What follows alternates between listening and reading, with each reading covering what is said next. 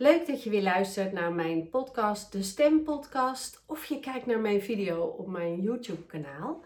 En dit is jullie podcastmaand en elke dag, elke werkdag plaats ik een nieuwe podcast en een nieuwe video voor jou als je bijvoorbeeld zelf wilt podcasten en ervoor wil zorgen dat er meer mensen naar je luisteren. Want je stem bepaalt voor 38% hoe je overkomt op anderen. En als je alleen te zien bent, zoals ik nu met de bovenkant, dan doet mijn lichaamstaal een beetje mee, maar niet zo heel erg.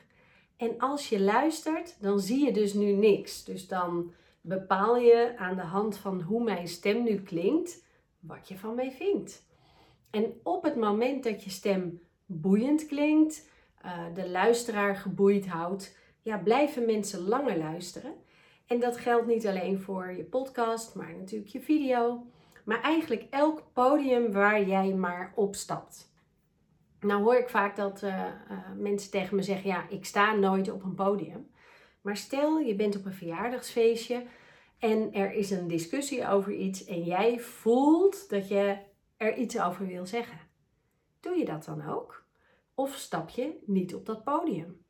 want daar heeft het ook mee te maken. En als jij dan iets gaat vertellen, blijven mensen dan aan je lippen hangen en willen ze meer van je weten?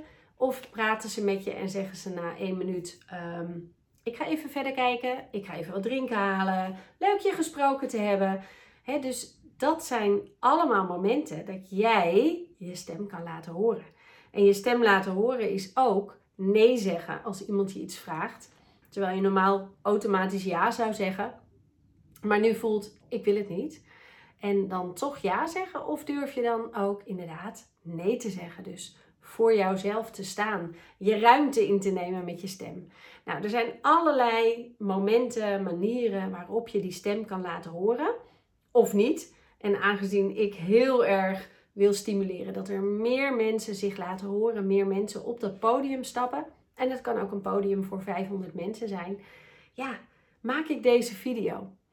En vandaag ga ik het hebben over de snelheid van spreken. De snelheid van spreken die ik ongeveer aanhoud bij deze video is 130 woorden per minuut. En de meeste, de meeste mensen vinden 130 tot 150 woorden per minuut prettig. En als ik sneller spreek, dan kan je me misschien wel verstaan. Dan moet ik wel wat meer opletten dat ik me niet verspreek. Dit is ongeveer 160 woorden per minuut en het kost me iets meer moeite om me niet te verspreken. En misschien is het voor jou het lastiger om te snappen wat ik zeg. Want je hoofd heeft een verwerkingstijd. Daar moet ik het gewoon langzamer doen, want anders ga ik struikelen over mijn eigen woorden.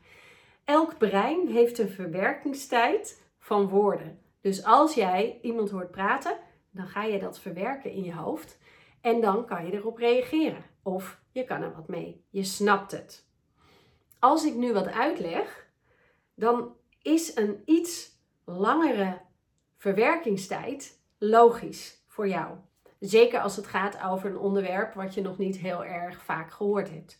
Dus als ik dat iets langzamer doe, is het voor jou fijner om te horen. En die 160 woorden per minuut, dat is echt super snel. En dat vinden veel mensen te snel. Als jij nou ontzettend snel praat, dan zullen snelle praters jou lekkerder vinden om daar te luisteren dan langzame praters. Maar omdat de meeste mensen zo ongeveer rond de 130, 140 woorden per minuut zitten, is dat iets wat ik adviseer.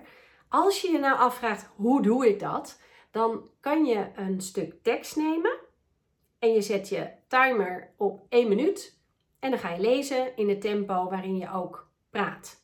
En dan ga je tellen hoeveel woorden je hebt gehad. En dan kan je oefenen. Het mag iets sneller of het kan iets langzamer.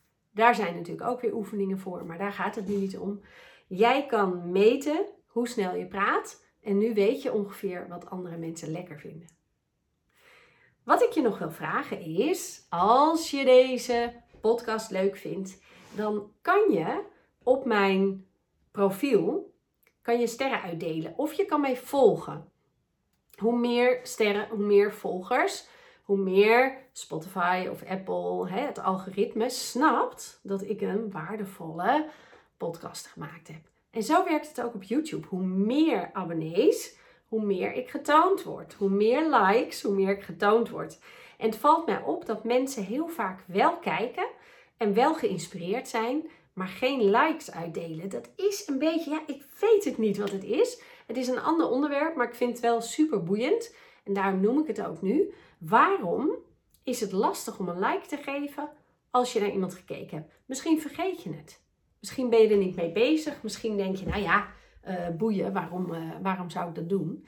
Maar het is zo fijn voor degene, zoals ik bijvoorbeeld nu, die dit vertelt, dat je dan zegt: hey, tof wat je verteld hebt. Dit ga ik even delen in mijn stories op Insta. Of ik ga er een screenshot van maken dat ik naar je luister. Maar nog leuker, ik deel even sterren uit. En het is heel kleine, hele kleine moeite en een super groot plezier voor mij en voor alle andere mensen waar je naar luistert of kijkt. Dus als je dat wilt doen, super dankjewel. En ik heb een actie dat ik tussen alle mensen die sterren uitdelen en zich abonneren en reageren op mijn video's, maar vooral ook zich abonneren op mij de komende maand, daar uh, ga ik tussen loten en dan geef ik twee keer mijn videotraining weg. Want van al deze podcasts en video's ga ik een nieuwe training maken. Dan gaan deze video's er ook weer af.